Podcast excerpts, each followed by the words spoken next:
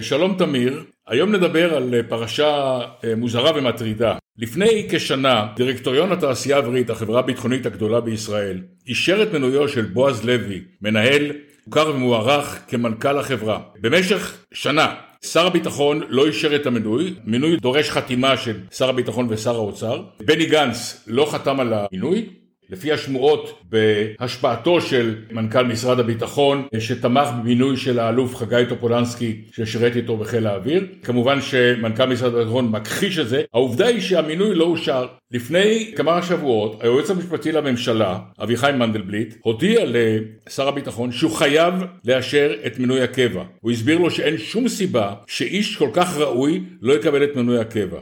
עברו עוד כמה שבועות והשבוע סוף סוף השר חתם על מינוי הקבע. זאת פרשה מאוד מוזרה. למה צריך לחכות שנה למינוי של אדם שצמח בחברה ויש לו הישגים מוכחים למה הוא צריך לחכות שנה למינוי הקבע? למה מינוי לא אוטומטי? למה צריך להצניח מישהו מבחוץ? מה צריכים לחשוב הבכירים בתעשייה האווירית שתמיד מתכננים להצניח אנשים מבחוץ? מה הם יחשבו על עתידם בחברה? זה, הדחייה הזאת של שנה סיפחה את העניינים עוד יותר בתעשייה האווירית שמנסים כבר שנים להפריטה, להפריטה חלקית, גם זה לא יוצא לפועל. בקיצור, ההתנהלות המוזרה של שר הביטחון בני גנץ הגיעה סוף סוף אה, לסיומה.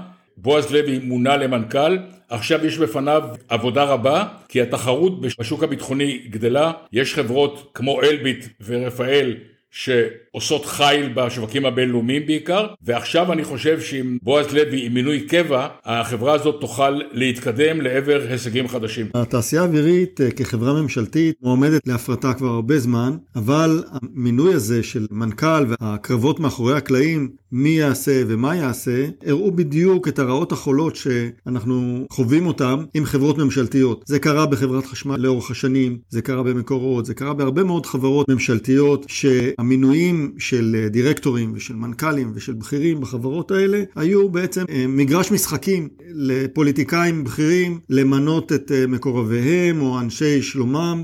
גם במקרה הזה לא ברור באמת למה היה צריך לסחוב את המינוי הזה שנה שלמה. הרי בועז לוי אין ראוי ממנו התפקיד הזה. הוא הוכיח את עצמו בהרבה מאוד פרויקטים ותחומים בהם הוא ניהל חטיבות ופעילויות בחברה. עושה את זה מצוין. מרגע שהתמנה למנכ"ל הוא עשה גם שינויים וגם קיבל החלטות אה, שהוכיחו את עצמם והביאו הצלחות עסקיות לחברה. פעילויות שאנחנו רואים בהיערכות בשווקים בחו"ל, אנחנו רואים מאז אה, כניסתו, פעילות ברוכה מאוד. כך שאין ספק שאם תגיע אה, הפרטה, וההפרטה כרגע לא נראית באופק, מכיוון שאין יותר מדי בעלי אינטרסים שרוצים לדחוף אותה, אבל אני מקווה מאוד שתגיע. לכשתגיע, אנחנו נוכל לראות התחדשות בהרבה מאוד תחומים בתעשייה האווירית. יש בה הרבה מאוד נכסים, אנחנו דיברנו על זה קודם. בתעשייה האווירית יש כוח אדם מצוין, כישרוני, יש אה, חדשנות וטכנולוגיות מובילות בעולם. תחומים אה, מסייבר ומכ"מים ולוחמה אלקטרונית, לטילאות,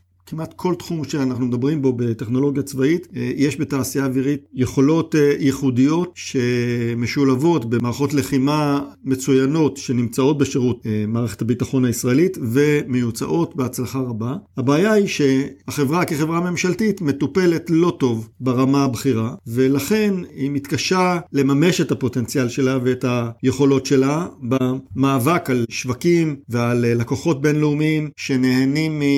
או מזריזות עסקית של חברות פרטיות, או מתמיכה ממשלתית מלאה ב-100% שמעניקים לה המסגרות הממשלתיות, כמו במדינות אחרות, אבל לרקוד בין החתונות לא כל כך הולך טוב לתעשייה האווירית. כן, אני חושב שפה הוכח שוב, טוב שיש אה, אה, איזון בין הרשויות. הרשות המבצעת, אה, לצורך זה שר הביטחון, קיבל הוראה מהרשות השיפוטית נאמר לו בפירוש שהוא נוהג לא לפי החוק והוא נאלץ לחתום על המינוי. חבל שזה נעשה בצורה חמוצה כזאת, כי בועז לוי, כמו שאמרת, הוא איש הנכון במקום הנכון. כל הכבוד ליועץ המשפטי ולסגניו שהבהירו את זה לשר הביטחון. אני מקווה שעכשיו שר הביטחון יפנה קצת ממרסו וכישרונותיו גם לסייע לתעשייה האווירית בשווקים הבינלאומיים שבהם התחרות גדלה והולכת כל הזמן.